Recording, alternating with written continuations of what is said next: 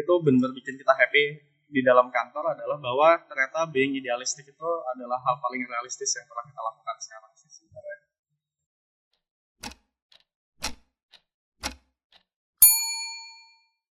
Selamat malam para pendengar 10 PM. Kali ini kita kedatangan narasumber yang bersama uh, SB 301 untuk kita ajak obrol-obrol seputar pengalaman berarsitekturnya. Uh, sebelumnya kenalkan nama saya Eni dan mas-masnya sendiri namanya siapa kalau boleh tahu?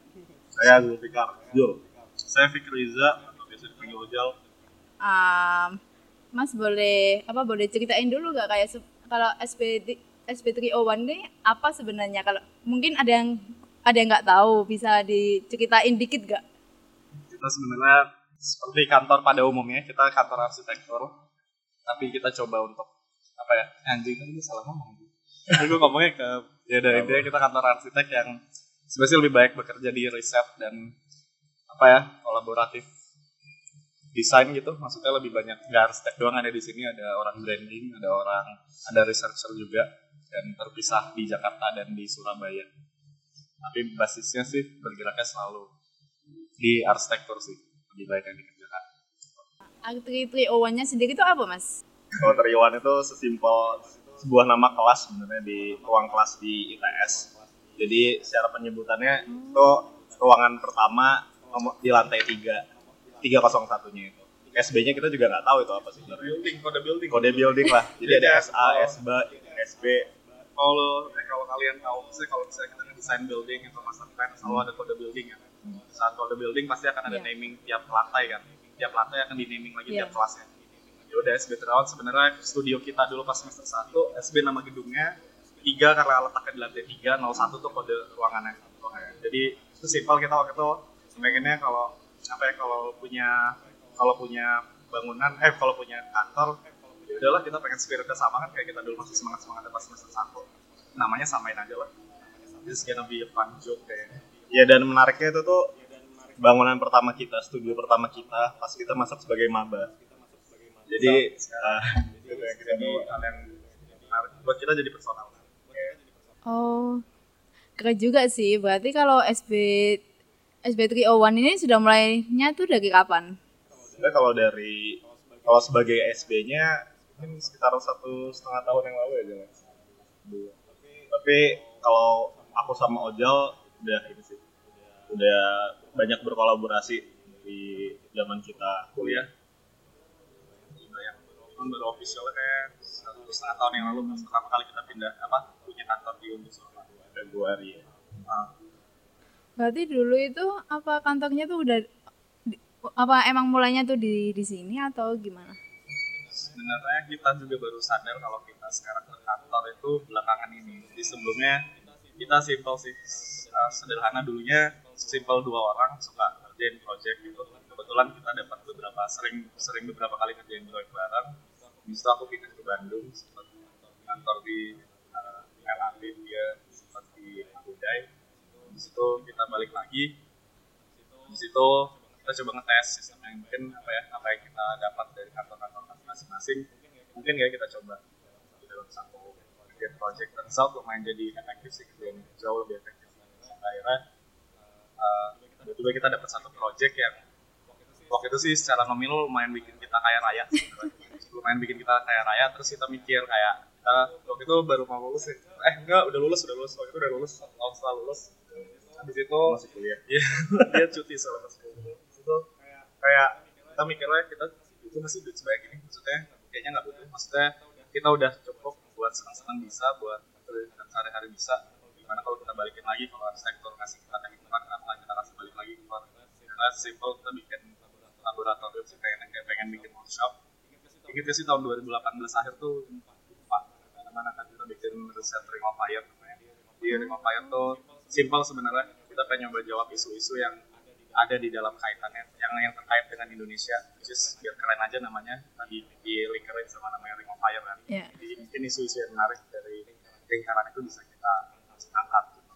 situ bikin workshop buka open recruitment baru sadar. baru sadar kita nggak punya tempat akhirnya selain duitnya waktu itu kita pakai buat kita bakar semua buat workshop. Kita ya udahlah kita sewa tempat. Dan ternyata tempatnya harus setahun. Udah udah sekalian aja bikin kantor. Yang simple kan berarti tinggal bayar. Ini harus set project plan tapi at least dulu startnya kita ke sini emang beneran pengen jadi laboratorium. Kebetulan bikin laboratorium harus dapat income uang kan jadi kita fundingnya cari project. Simple sekarang lebih lagi makanya kita punya kawan jurnal kalau kalian tahu Um, untuk pengalaman selama kuliah yang membantu saat ini tuh kayak apa? Kayak kayak pengalaman pahit manisnya dari mas-masnya sendiri? Boleh boleh diceritain nggak? Kayak harus masing-masing ya. Ya masing-masing boleh. Waduh gue nggak tahu nih emang gue ada ya Gak tahu sih. Ya udah, ya lebih ke ini sih.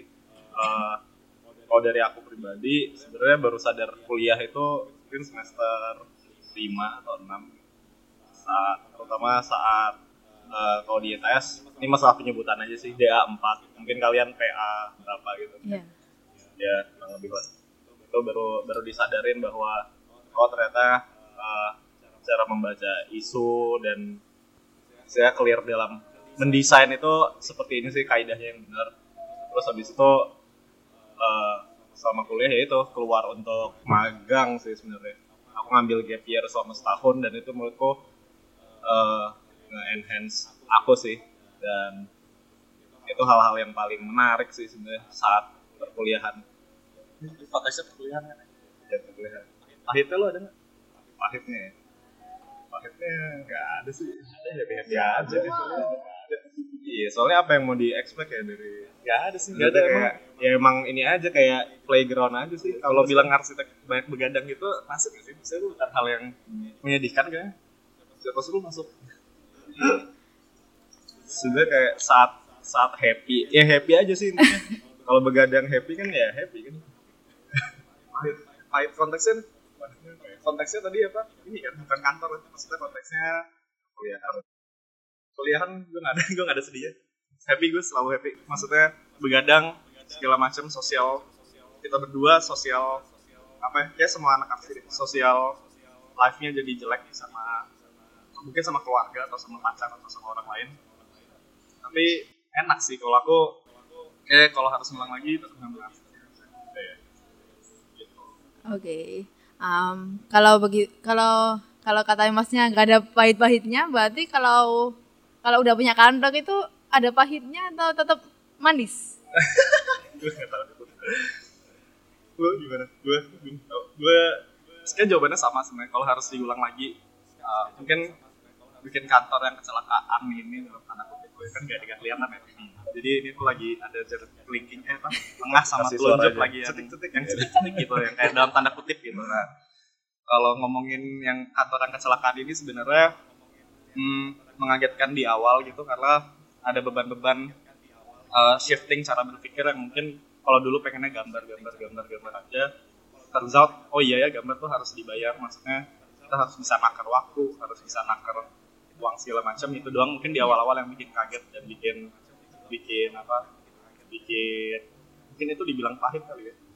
Karena di PHP klien gitu-gitu tapi turns out turns out gak ada masalah sih ternyata kita bisa handle ini dan sekali lagi gitu. Kayak kita selalu kita selalu dua orang yang kalaupun ada hal pahit sering kali nganggapnya itu jokes aja sih. Saya kayak wah sialan lo ya atas gitu ya udah gitu. Kayak mungkin karena masih muda banget kali ya kayak kita gapnya juga nggak terlalu jauh. Happy-nya jelas enak sih. Basically jadi arsitek nggak ada yang lebih freedom. Freedom. Jadi arsitek tuh udah nggak ada nggak ada kerjaan yang lebih nggak enak eh yang lebih enak dari arsiteknya nggak ada deh. Eh mungkin ada yang lain tapi at least gue enjoy banget sih jadi arsitek. Bayarannya nggak gede-gede amat tapi hidup gue bebas. Begadang tapi ya udah nggak sih. Pernah nggak sih mas kayak ngerasa apa itu kayak, aduh capek nih kayak gitu?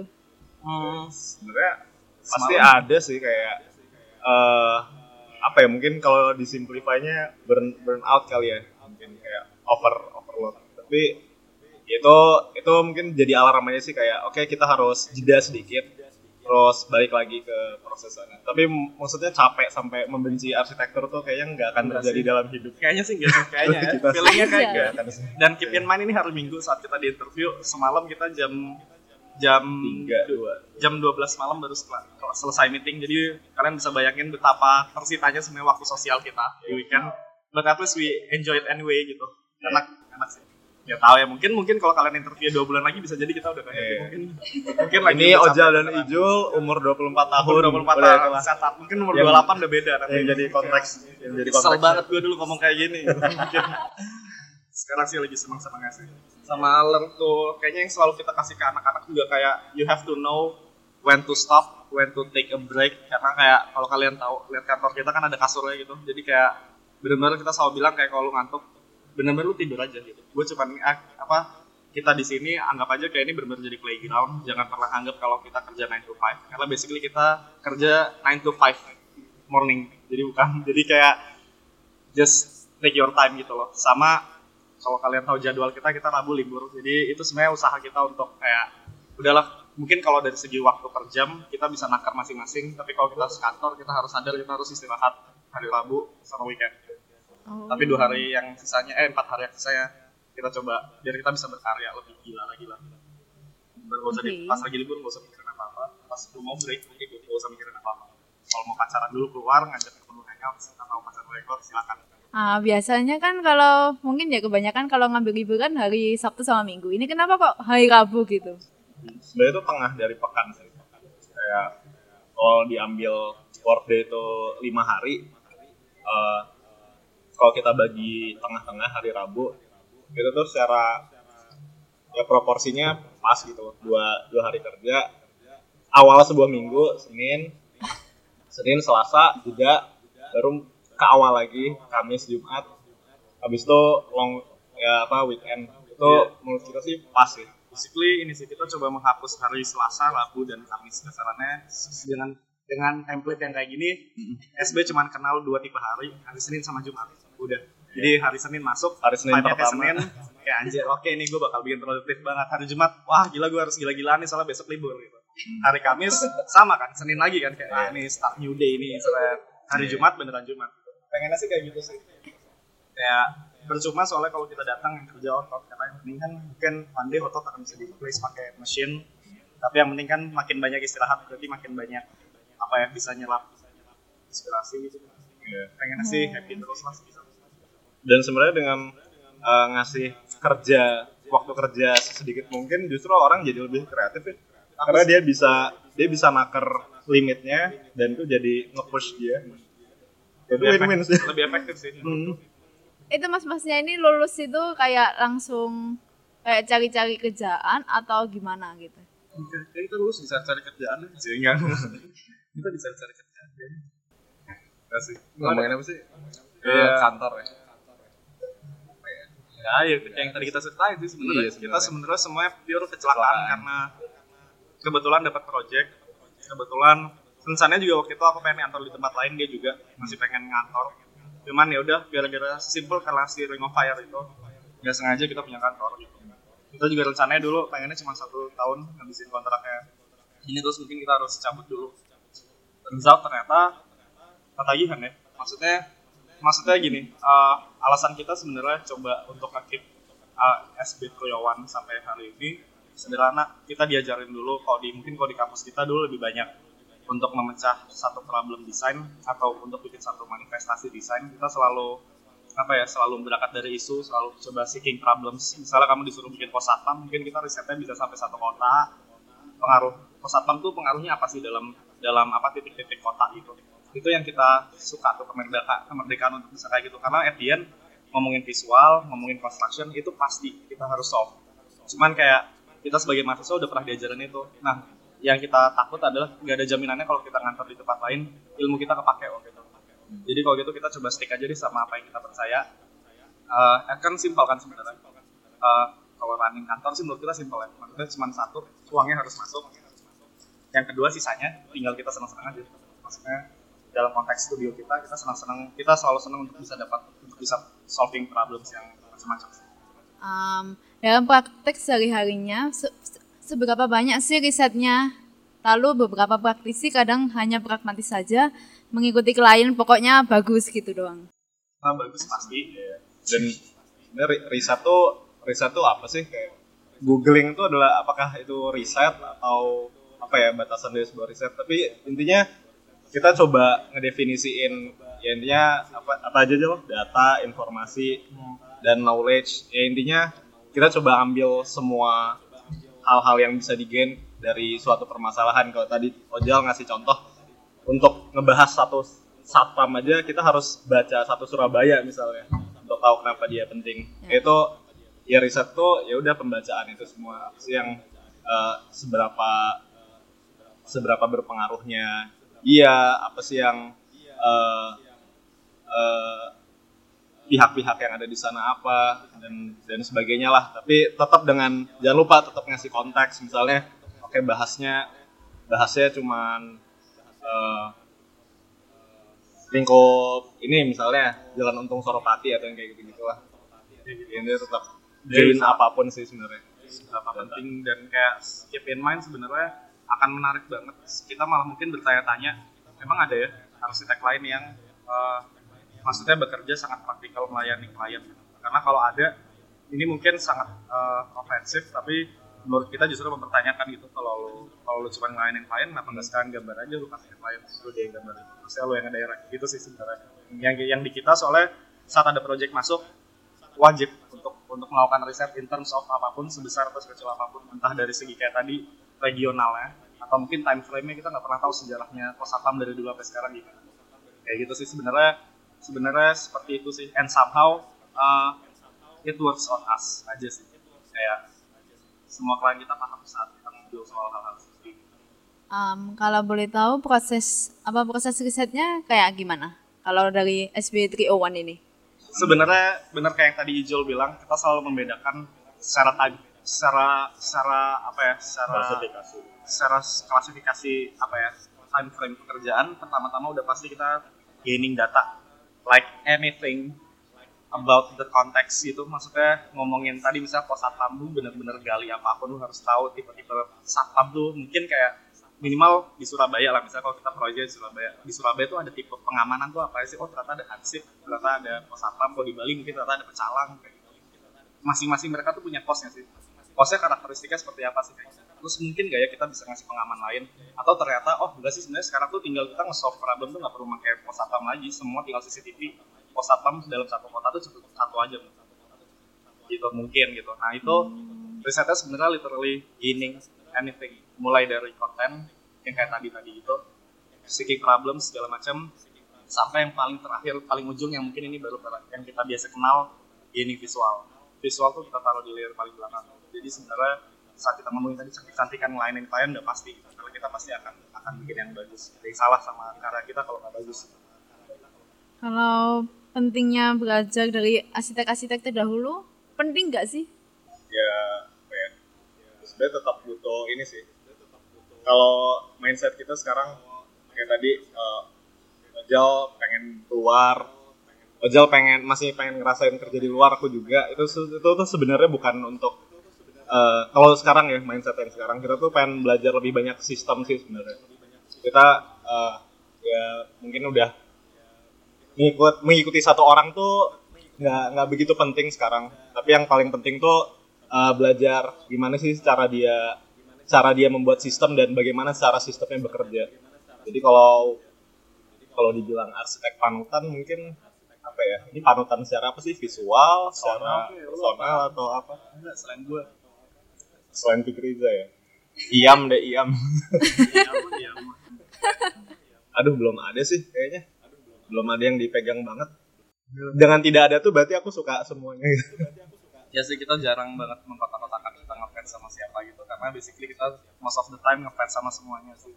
Cuman kalau buat aku personal mungkin ragu hasilnya ya ada obat.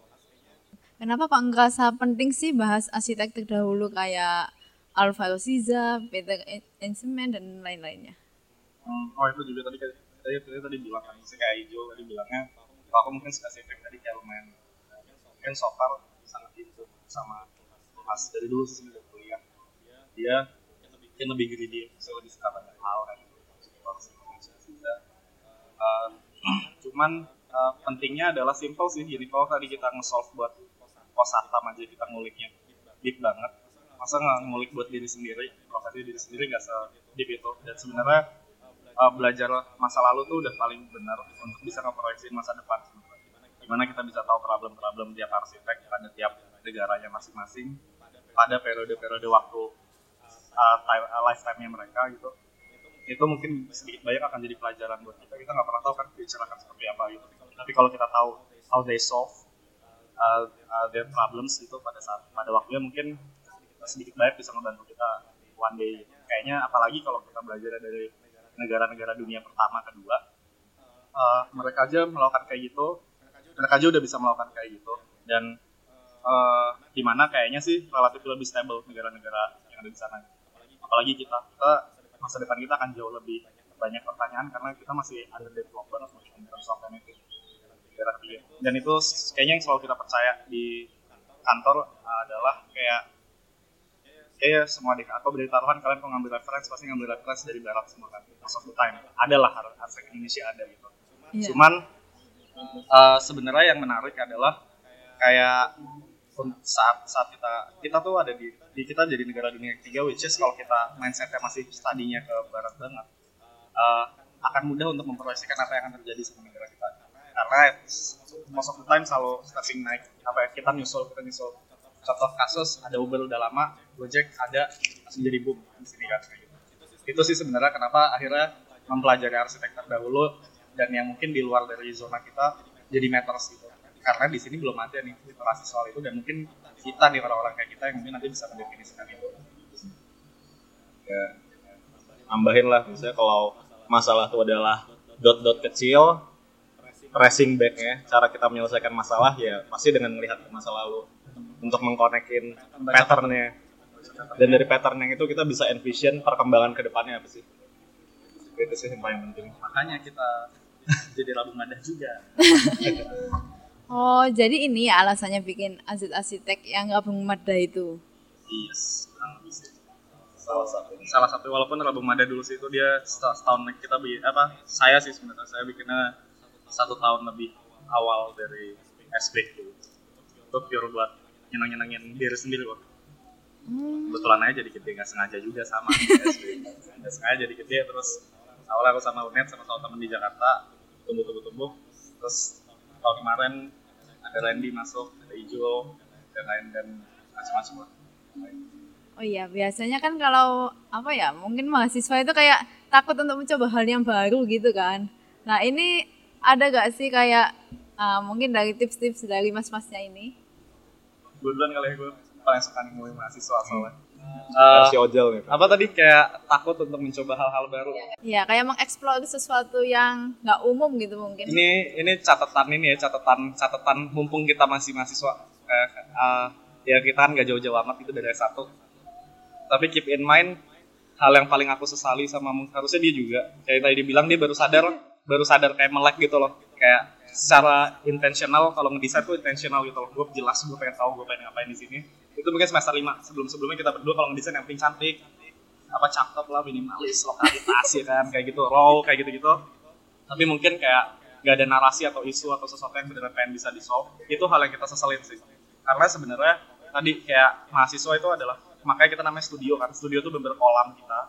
Untuk lu mau explore apa pun bener-bener apa pun gitu untuk bisa explore apa pun. Karena mungkin nanti pas kalian kuliah nggak ada privilege itu lagi untuk bisa untuk bisa mikir A sampai Z. Dan kalau ini yang Ijul selalu bilang sih kalau kita lagi di SB eh, kita berusaha menjaga environment kampus itu bisa tetap masuk ke dalam dunia kerja. Karena mungkin cara nge-currency itu jadi mata uang sebenarnya kan tugasnya kita aja. Yang penting kita harus bisa nge-solve like problem di dunia nyata bukan di dunia imajinasi lagi kayak di kayak di uh, kampus gitu Ya. itu sih sebenarnya privilege itu yang pengen kita kasihan nih. Maksudnya kayak apa ya apa sih kalau bilang? Uh, kebebasan berpikir lah kebebasan berpikir pengennya kayak gitu. Jadi kayak mumpung masih ada kolamnya diwadahin kan seru biru cuma dapat C kan kalau salah ngobrol. Dan C masih lulus kan? C masih lulus kan nggak ada masalah gitu.